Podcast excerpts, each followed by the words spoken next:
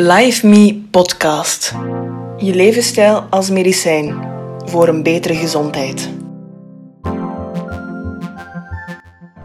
Dag iedereen, ik ben Len Nijs en dit is de Live Me podcast, waar we bewustwording voor levensstijl als medicijn willen creëren door het aanbrengen van wetenschappelijke en juiste informatie omtrent gezonde levensstijl.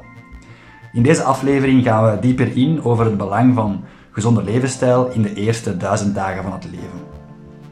We gaan het hebben over het belang van levensstijl om zwanger te raken en om je eigen kinderen een zo'n goed mogelijke start te kunnen geven bij het begin van zijn of haar leven. Verder gaan we zeer praktisch te werk gaan in de hoop dat de luisteraars meteen aan de slag kunnen gaan met bruikbare tips en tricks. We gaan het hebben over all things beweging, mindfulness, voor verschillende fasen van de zwangerschap en erna. En tenslotte over voeding. Wat is waar en wat is een mythe? En hiervoor heb ik Tessie Boet bij mij. Uh, Tessie, zou jij je even willen voorstellen, uh, zeggen wat je doet, wie je bent? Ja, alvast dank je om mij uit te nodigen. Um, ik ben Tessie, ik ben voedingswetenschapper en kinesitherapeut gespecialiseerd in uh, pre- en postnatale begeleiding van achtergrond en ik ben nu voornamelijk bezig met een doctoraat rond levensstijl en reproductieve gezondheid. En eigenlijk meer specifiek rond het ontwikkelen en het evalueren van een levensstijlprogramma waar dat we focussen op voeding, beweging en mindfulness bij koppels met vruchtbaarheidsproblemen. Dat doe ik aan de KU Leuven en daarnaast begeleiden wij in onze praktijk ook mama's gedurende de eerste duizend dagen. En dat is uh, in Mechelen bij Health in Progress en bij Mama Moves Mechelen. Oké, en uh, ja, wat is dan net zo die duizend eerste dagen van het leven? De eerste duizend dagen zijn eigenlijk vanaf dat er bevruchting uh, plaatsvindt tot het tweede levensjaar van het kind. Dus vanaf echt één celletje dat zich dan uitgroeit tot het tweede levensjaar, tot een functionele peuter van twee jaar. En dat omvat eigenlijk de dagen, 270 dagen de zwangerschap, en dan 365 dagen het eerste levensjaar en 365 dagen het tweede levensjaar. En waarom is dat net zo belangrijk om dan ja, tijdens de zwangerschap of, of voor de zwangerschap eigenlijk ja, bezig te zijn met gezonde voeding en beweging en dergelijke? Ja, ehm, dat is eigenlijk een heel mooi, dat eerste duizend dagen concept. Daar is echt heel veel onderzoek naar gedaan. En ze zeggen eigenlijk in de eerste duizend dagen van het leven worden we gemaakt tot wie we zijn. Invloeden in deze periode die zijn bepalend eigenlijk voor de rest van het leven. En dus de eerste duizend dagen is vanaf de bevruchting. Maar ja, heel vaak weten mensen pas op ja, na zes weken, hè, dus wanneer dat de belangrijkste celdelingen al hebben plaatsgevonden, dat ze zwanger zijn. En daarom is eigenlijk die periode ervoor, hè, dus voor de eerste duizend dagen, dus die preconceptieperiode, ook al een hele belangrijke periode om bezig te zijn met dat levensstijladvies. Omdat daar echt um, de fundamenten voor later worden gelegd. Hè. Dus er zijn heel veel studies dat tonen dat eigenlijk als jij als ouder een gezonde levensstijl hebt, en ik zeg speciaal ouder en niet enkel uh, mama, dat dat eigenlijk een invloed heeft op ja, de, je eigen gezondheid uiteraard, maar ook op de gezondheid van je kindjes. Zo zijn er studies dat tonen dat als wie dat gezonder leeft, tijdens die periode, dat dan eigenlijk gezondere kinderen heeft. En ze hebben dat aangetoond in Nederland met de hongerwinterstudie. Ik weet niet of je weet wat dat is. Maar dat is eigenlijk, daar hebben ze heel mooi de mensen in de oorlog opgevolgd. Ja, er was ergens in de jaren 40 eh, hongersnood. En daar hebben ze de vrouwen die in die periode zwanger waren, heel mooi opgevolgd. En dan zagen we eigenlijk dat kinderen van die, die ouders dat dan hongersnood hadden, een hele andere metabole of cardiovasculaire ontwikkeling hadden, omdat die eigenlijk niet voldeden in de, ja, in de voedingsstoffen dat ze nodig hadden. Nu zijn er ook studies omgekeerd. Ehm, bijvoorbeeld bij mensen met obesitas, met een ongezonde levensstijl, zien we ook eigenlijk bij die kindjes later ook meer kans op metabole of cardiovasculaire of zelfs neurologische aandoeningen. Dus die levensstijl in die periode is echt wel heel um, belangrijk. Oké, dus um, nu ja, concreet als, als er iemand luistert en die is van plan om zwanger te raken tegen aanzienbare tijd, wat zijn dan zo de tips dat je zou meegeven? Ja, Um, dus ze zeggen dat je eigenlijk moet bezig zijn met een levensstijl vanaf zwangerschapswens. Dus dat kan voor sommige mensen een hele lange periode zijn. Maar algemeen zeggen ze, of zie je wel in de literatuur, van bijvoorbeeld foliumzuur is daar een hele belangrijke. En dan staat er ehm, in de boekjes geschreven van drie maanden voor de zwangerschap. Maar eigenlijk bedoelen ze daarmee vanaf zwangerschapswens. Tot eigenlijk 12 weken in de zwangerschap is het belangrijk om foliumzuur te nemen. Um, omdat dat gewoon echt de kans op um, neurale buiseffecten, op neurologische aandoeningen bij het kindje gaat verminderen tot 50%. Dus foliumzuur nemen, iedereen aanrader, is een hele belangrijke. Dat is eigenlijk het enige echte supplement dat je um, op voorhand kan um, nemen, waar voldoende wetenschappelijke evidentie voor is. En daarnaast is het eigenlijk echt een gezonde levensstijl aannemen. En dus een gezond voedingspatroon. Ik denk dat we daar zelfs ook nog wel uh, wat verder op teruggaan. Uh, rijk aan plantaardige voeding, groente, fruit, volwaardige producten, dus uh, volkoren, vezels eigenlijk. Wat er ook in de aanbevelingen naar de algemene gezondheid staat, heel Ja. belangrijk. En is dat enkel ehm, de moeder of is dat ook de vader dan? Zeker ook de vader, want eigenlijk um, de vader nog net iets belangrijker misschien, want sperma wordt eigenlijk, dat duurt ongeveer een zeventigtal dagen om aan te maken. Dus eigenlijk een uh, drietal maanden voordat je eraan begint, is het ook zeker heel interessant om uh, voor de papa voor uh, gezonde levensstijl aan te maken, omdat dan eigenlijk het sperma volledig in, een goede, in goede omstandigheden wordt ontwikkeld. En waarom is het dan net zo belangrijk om als ouder om een gezonde levensstijl te hebben, om dan uw kind gezond te laten starten? Hoe zit dat dan net? Dus eigenlijk iedereen uh, wordt geboren met een setje genen. En die komen dan uiteraard van de mama en de papa. Maar omgevingsfactoren, zoals levensstijl, die kunnen een invloed hebben op je epigenetische factoren. En wat is dat dan net? Dat is eigenlijk de manier hoe dat uw genen tot expressie komen. Uw genen, daaraan kunnen we niks aan veranderen, die hebben we overgeërfd. Maar onze epigenetica is eigenlijk ja, de lichtknoppen van onze genen, of hoe dat die genen tot expressie komen. Die kunnen we beïnvloeden, zelf door onze eigen levensstijl, maar ook eigenlijk ja, door onze ouders die dat overdragen naar onze kinderen de gezondheid van de ouders en ook je eigen, of de levensstijl van de ouders en ook je eigen levensstijl, kan eigenlijk de epigenetica van je genen gaan beïnvloeden. Dus heel belangrijk. En zo kan het dan eigenlijk zijn dat je bepaalde ziektes wel of niet gaat ontwikkelen. Als we dan uh, even gaan hebben over zo, ja, net die duizend dagen, dus het begint met um, de conceptie. Ja. Wat kan je dan doen, of wat, wat zeg je dan tegen patiënten die naar u komen um, als het gaat over beweging? Welke soort beweging is er goed of slecht? Ja, als het dan gaat over uithouding, weerstandtraining of die type um, high-intensity intervaltraining, hoe kunnen we dat net... Uh, ja. Ik zal het misschien eventjes opsplitsen in preconceptie, hè, dus voordat we zwanger worden, en dan eigenlijk eerste trimester, tweede trimester, derde trimester. Ja. Dus eigenlijk advies dat ze geven um, voor mensen die zwanger willen worden, is eigenlijk gewoon hetzelfde als aan de algemene bevolking. Hè? Dus 150 uh, minuten per week aan matige fysieke activiteiten, dus dingetjes dat je graag doet. En ook het, het um, vermijden van sedentair gedrag, hè? dus het lange stilzitten. Ja. En daar, daar zijn echt studies die aantonen dat de vruchtbaarheid echt verhoogt bij mensen die fysiek actief zijn, of omgekeerd verlaagt bij mensen die dan uh, vooral sedentair gedrag vertonen of te lang zitten. Ja. Dus daar geldt eigenlijk het advies voor de algemene bevolking. Dan in de eerste drie maanden of het eerste trimester van de zwangerschap geldt ook het advies van die 150 minuten matige fysieke activiteit per week. In die eerste 12 weken zit het embryootje ook echt nog mooi uh, verscholen in het bekken. De mama gaat misschien uh, wat moer zijn of zich misselijk voelen. Ook daar ja, kan beweging bij helpen, maar mogen ze eigenlijk in principe nog alles doen wat dat ze voordien deden. Dan in het tweede trimester is natuurlijk de buik wat meer aan het groeien. En zijn er, gelden de richtlijnen van 150 minuten matige fysieke activiteit per week um, en dan een combinatie van aerobe uh, met krachtversterkende oefeningen. En het mijden van sedentair gedrag, dus elk half uurtje is gaan rechtstaan, dat geldt nog altijd.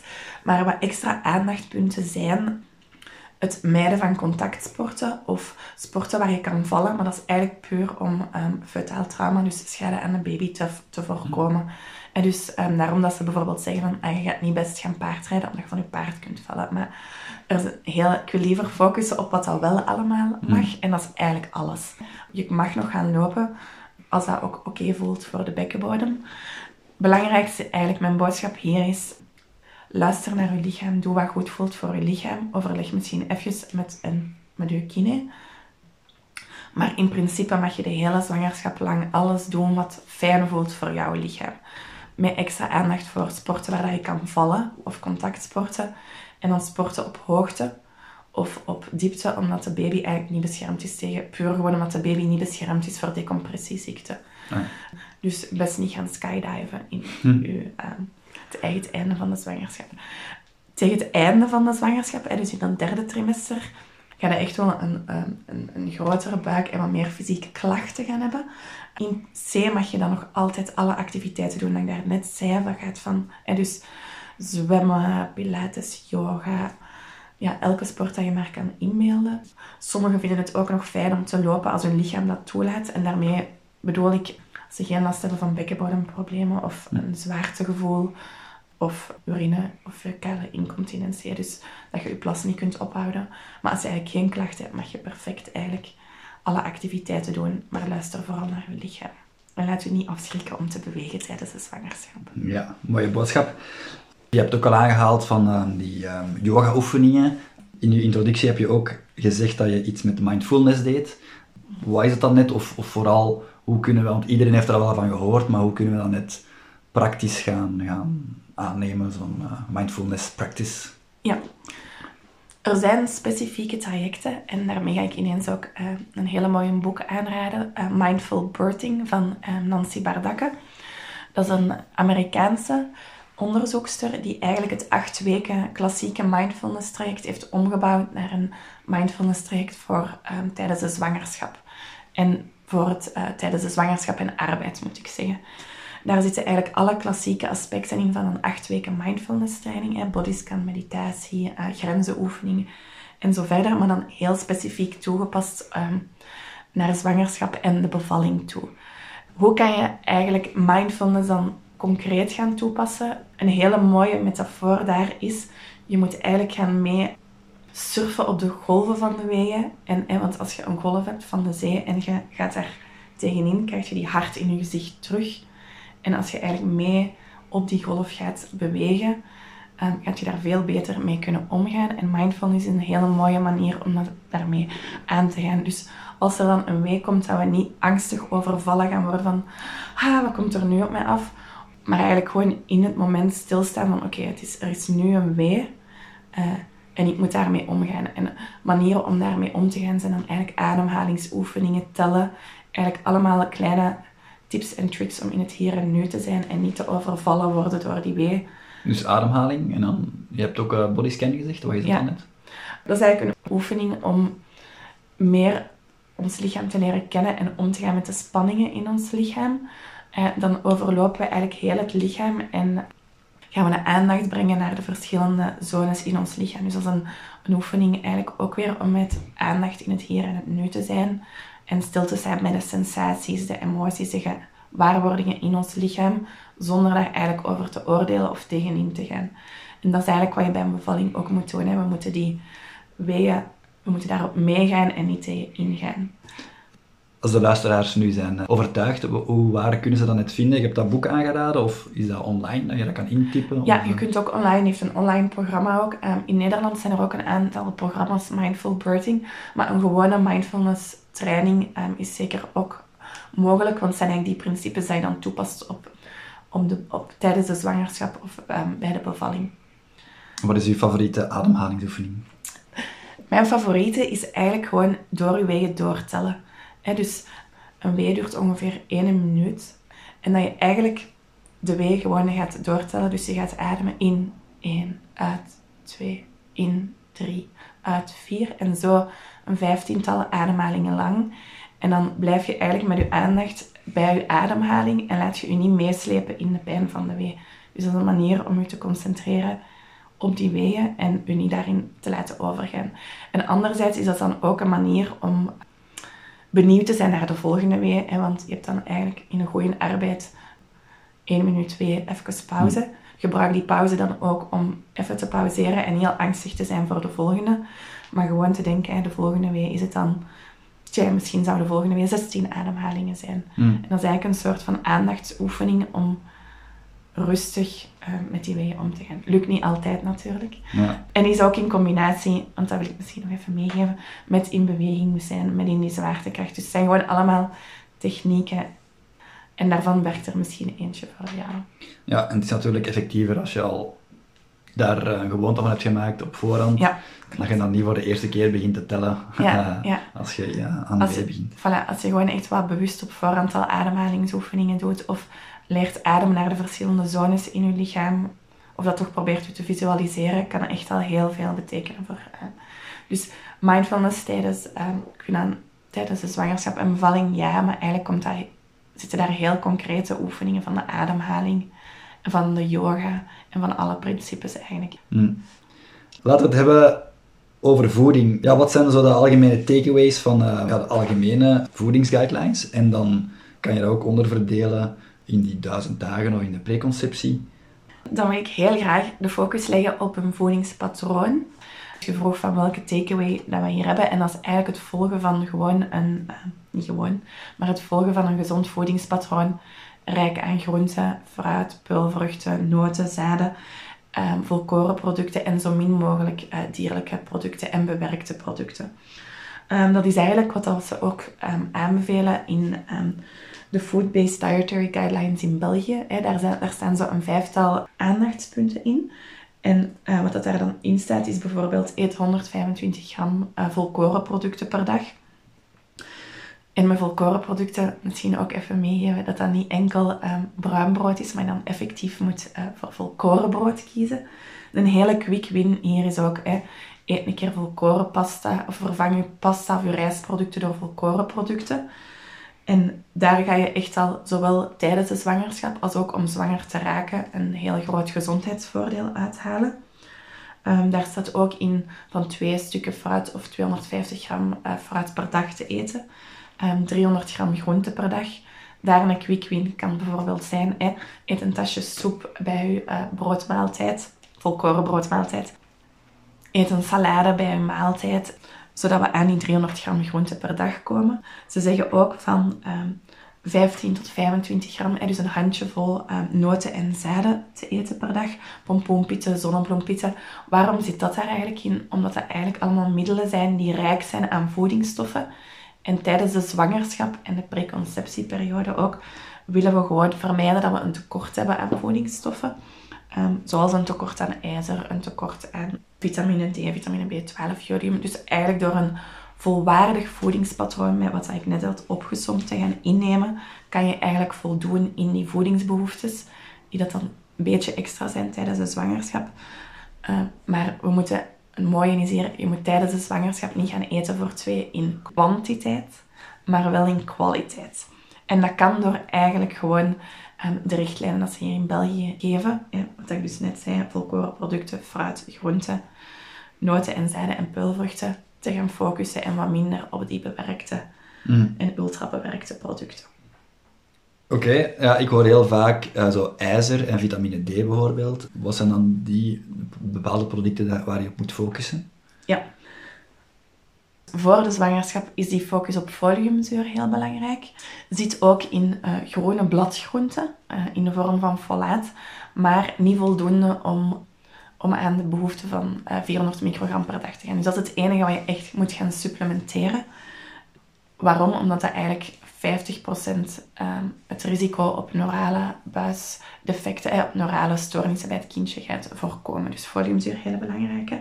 Dan is het natuurlijk ehm, belangrijk dat de mama voldoende ijzer heeft, voldoende jodium, voldoende zink, voldoende vitamine D en vitamine B12.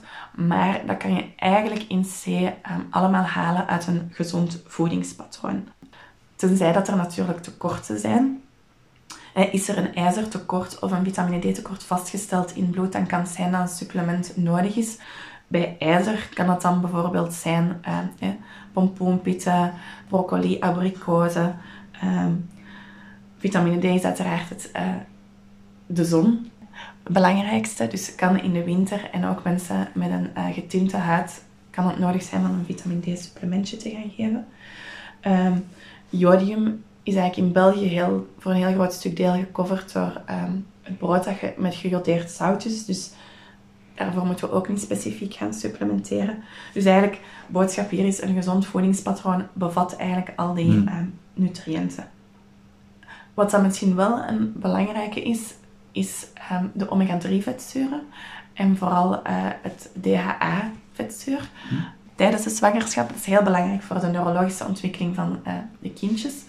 Maar ook zijn er studies die hebben aangetoond op die vetzuren, dat eigenlijk die polyonverzadigde vetzuren, zoals omega-3 vetzuren, dat dat eigenlijk mensen dat daar voldoende van innamen, dat die een verhoogde kans hadden op om zwanger te worden. En zo de voedingsstoffen rijk aan die transvetzuren of verzadigde vetzuren hadden eigenlijk mensen een verlaagde kans op zwangerschap. Dus eigenlijk gaan focussen op de inname van de polyonverzadigde vetzuren. Zoals omega-3 vetzuren, omdat die goed zijn voor de neurologische ontwikkeling, En maar ook voor de vruchtbaarheid. Ehm algeolie, olijfolie, maar ook in eh, ja, de vissen. Tijdens de zwangerschap is dat ook een hele moeilijk van shit, welke vis moet ik nu eten? Eigenlijk moet je daarin gaan onthouden, roofvissen moet je eigenlijk proberen te gaan vermijden, omdat, ze daar, omdat die daar zouden ehm, schadelijke stoffen zoals methylkwik in zitten. Ja. Ehm, de roofvissen, dus alle vissen die jagen, haaien eten we nu niet echt in België, Eh, maar tonijn, ehm, Top. tong. De vissen die eh, dan rijk zijn aan die eh, omega-3 vetzuren of die DHA, dat zijn eigenlijk de, de smash vissen. Eh, wat wil dat zeggen? Eigenlijk de zalm, makreel, anchovies, ehm, haring en sardientjes. dus zo kun je dat een beetje onthouden. Er is ook een hele mooie app, ehm, de Zwangerhap in Nederland, waar dat, dat ook in staat allemaal. Ja. Ook de zaken dat je tijdens de zwangerschap een beetje aandacht voor moet hebben, dat je best niet mag eten. En zoals de infectieuze voeding, of de voeding waar dat eventueel toxoplasmose of eh, listeriose, dat zijn twee infecties die we moeten vermijden tijdens de zwangerschap. Daarom dat de vrouwen ook denken dat ze geen eh, gewoon ongewassen groenten en fruit mogen eten. Of rauwe vis of ehm, rauwe melkproducten. Dat is eigenlijk omdat daar soms ehm, ja, een toxoplasmose of een listerieuze infectie kan opzitten. En die app zegt dan heel mooi van, ah ja, dat mag ik wel of niet eten als je een voedingsmiddel ingeeft. Maar hier wil ik eventjes meegeven, laat u zeker niet afschrikken. Je mag echt wel ehm, groenten eten, maar wassen, gewoon gewassen groenten. En dan eigenlijk zijn de groenten uit onze tuin nog net iets, die moet je net iets beter wassen. Eet je dierlijke producten, pas dan op met de rauwe vleesproducten, ehm, rauwe eieren en eigenlijk ook de rauwe melkproducten. Dus alles wat gepasteuriseerd is van melkproducten mag. Maar als er zo op staat op au lait cru, ehm, kan, er, kan er listeriose op zitten. Wil niet zeggen dat het erop zit, maar daarom wordt dat afgeraden om tijdens de zwangerschap ehm, dat te nemen. Dus er zijn een aantal voedingsmiddelen waar mogelijk in het hele slechte geval een toxoplasmose of een listeriose infectie kan op zitten. Komt heel weinig voor, maar daarom wordt dat eigenlijk geadviseerd aan zwangere vrouwen. Ja. Maar hier is dus mijn boodschap. Je mag zeker nog groenten eten, maar gewoon even wassen. Ook op restaurant, als je dat meegeeft van kijk, ik ben zwanger, gaan ze dat voor je zeker extra goed wassen. Dus je hoeft het niet te laten, want dan mist je eigenlijk een heel gezondheidsvoordeel van die groenten. Oké, dat is duidelijk. Nu zijn er, zoals eh, online of op Instagram wordt aangeraden, zo zijn er van die fertiliteitssuperfoods. Ik ben daarvoor nog eens even in de literatuur gedoken. En de laatste reviews ehm, zeggen eigenlijk dat er op dit moment echt nog onvoldoende kwaliteitsvolle evidentie is om bepaalde vitaminesupplementen of antiox- antioxidanten ehm, te gaan aanraden om vruchtbaarheidsproblemen te voorkomen. Je maakt eigenlijk veel meer winst door een volwaardig voedingspatroon. Hier ben ik weer groenten, vezels, hè, dus volkorenproducten, fruit, ehm peulvruchten, noten te gaan innemen. Dus daar, daar zijn eigenlijk veel meer studies rond die voedingspatronen dan echt die supplementen. Hm. En eh, je hebt kort even aangeraakt, eh, aangeraakt die melk, en dan denk je meteen aan zo die sojamelk en al die mythes daar rond. Waar is daar net eh, wel of niet van waar? Ehm, de reden waarom dat, dat misschien wat aandacht op is, is omdat sojaproducten eigenlijk fytoöstrogenen bevatten. En die worden geassocieerd met de hormonenbalans of de al dan niet verstoring van de hormonenbalans bij vrouwen. Maar er zijn eigenlijk geen studies die een negatief verband aantonen tussen sojaproducten en vruchtbaarheid. Dus zeker niet af te raden. Je mag zeker sojaproducten innemen tijdens de zwangerschap. Na de geboorte dan, lactose is voor babytjes heel moeilijk om, ehm, om te verwerken. Dus ehm, kan een van de redenen zijn dat het kindje postnataal wat last heeft van de voeding, van de borstvoeding. Als je borstvoeding geeft, kan het vaak heel helpen dat jij als mama eigenlijk ehm, melkproducten wat gaat laten. En dan zijn de sojaproducten of eigenlijk de haverproducten, eigenlijk de plantaardige producten, een mooi alternatief om eigenlijk um, je babytje wat te gaan ontlasten. Ja. Maar het komt, is natuurlijk niet bij iedereen, hè, maar dat kan een oorzaak zijn van um, postnatale last of krampjes bij je kindje, dat jij als mama eigenlijk al die uh, melkproducten doorgeeft. Oké. Maar dat is een ander verhaal. en wat dan met koffie? Ja. Um, over koffie zijn er veel studies gedaan. Weinig studies dat echt iets over de vruchtbaarheid kunnen zeggen, maar een hoge cafeïne-inname, en met hoog bedoel ik meer dan 300 milligram per dag, verhoogt wel het risico op een miskraam. Dus daarom is eigenlijk het advies van beperk je cafeïne-inname, dus niet enkel koffie, ehm, tot 200 milligram per dag. En dat is eigenlijk 2 à 3 tasjes. Uh, dus je hoeft het niet te laten, maar wel um, een beetje rekening houden met de hoeveelheid. En ook in je achterhoofd houden dat um, cafeïne niet enkel in koffie zit. En bijvoorbeeld chocolade heeft ook 40 milligram cafeïne. Mm. Of de zwarte theeën, uh, dus niet de kruidentheeën, daar zit ook wel een, een klein beetje cafeïne in, ook een 40 milligram. Maar dus beperk je cafeïne-inname tot 200 milligram per dag, wat overeenkomt met 2 à 3 tasjes koffie. Zijn er nog zo van die ja, mythes of zo, waar de patiënten naar voor bij u komen? Of hebben we zo ongeveer allemaal gehad? Ik denk dat we het grootste stuk gehad hebben. Ehm, van de groenten vind ik wel een hele belangrijke en dat je dat zeker mocht. Ehm, het is beter om gewassen groentjes te eten en alle vitamine, voedingsstoffen binnen te krijgen. Dus daar hoef je zeker niet bang voor te zijn. Zeg gewoon eventjes als het wassen. Hmm. Ehm, en ook van bewegen het, is, het heeft allemaal voordelen om te bewegen tijdens de preconceptieperiode en de zwangerschap. Um, je babytje gaat daar niet door, door elkaar geschud worden. Hmm. Wat zou je zelf eigenlijk op voorhand hebben willen geweten hebben voordat je het onderzoek had gedaan? Uh, als je dan nu zou moeten beginnen met zwangerschap, wat zou je nog zo als extra tips willen meegeven? Um, dat die eerste duizend dagen heel erg belangrijk zijn en dat de zwangerschap vanaf de conceptie daar ook in omvat zit. Um, ik zelf heb heel mijn zwangerschap, mijn eerste zwangerschap, tot de laatste week doorgewerkt. Terwijl bij mijn tweede zwangerschap ben ik echt een, beetje op voorhand gestopt om dan even echt tot mezelf te komen, mindfulness oefeningen te doen. En dat had een heel groot effect bij mij op mijn bevalling. En dus tijdens de zwangere een mooie een mooie spreuk is daar, een zwangere moet men op wimpers dragen, dus goed voor zorgen. Dus mhm. Dat heb ik in mijn tweede zwangerschap beter gedaan dan in mijn eerste. En ik heb het gevoel dat dat toch ehm, zijn vruchten heeft afgeworpen. Dus aan alle vrouwen die zwanger zijn, laat je op uh, wimpers dragen. Mhm. Zijn er nog bepaalde dingen die je nog wilt eraan toevoegen aan heel het uh, duizend dagen van, eerst de duizend dagen van het leven verhaal? Misschien nog een klein stukje toevoegen rond als um, zwanger worden niet direct lukt. Want Ehm, dat komt wel heel vaak voor. Hè. In België heeft eigenlijk 15% van de koppels te kampen met uh, vruchtbaarheidsproblemen. En vruchtbaarheidsproblemen, dat wil eigenlijk zeggen ehm, het uitblijven van een zwangerschap na minstens 12 maanden regelmatige onbeschermde geslachtsgemeenschap. Dus na één jaar proberen nog niet zwanger zijn. Dat komt dus echt wel heel vaak voor. En daar kan levensstijl uiteraard een kleine rol in spelen ook. Dus wat we daarnet ook zeiden, ehm, focus op een gezonde levensstijl. Dus een volwaardig voedingspatroon, een gezond gewicht, voldoende bewegen, maar ook aandacht voor dat mentale kan daar ook zeker een rol in spelen. En dan specifiek misschien bij vrouwen uh, met PCOS of polycysteus ovariumsyndroom. Dat komt voor bij 15% van de vrouwen. En dat is een van de meest ehm, voorkomende oorzaken van ovulatiestoornissen. Het is een hele heterogene stoornis, en dus hormonale veranderingen. Alle oorzaken zijn daar nog niet van bekend. Maar ook daar kan levensstijl zeker een invloed spelen.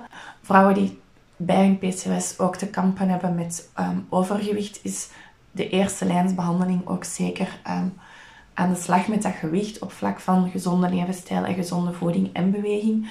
En vrouwen die eigenlijk geen last hebben van overgewicht, kan eigenlijk ook weer gaan focussen op die gezonde levensstijl. En dat volwaardig voedingspatroon, rijk aan plantaardige voedingsmiddelen, eh, groente, fruit, vezels, eh, noten en zaden, voldoende beweging en aandacht voor dat mentale wel uh, mogelijk een positieve invloed hebben. Dus dat moet ik misschien ook nog eventjes meegeven. Want dat blijft toch nog altijd een klein beetje taboe. Ehm, die vruchtbaarheidsproblemen en PCOS, terwijl dat eigenlijk echt wel frequent voorkomt. Nog een laatste vraag dan. Waar zou jij graag nog op reis willen gaan? En zou jij dat dan eerder wel of niet met kinderen doen?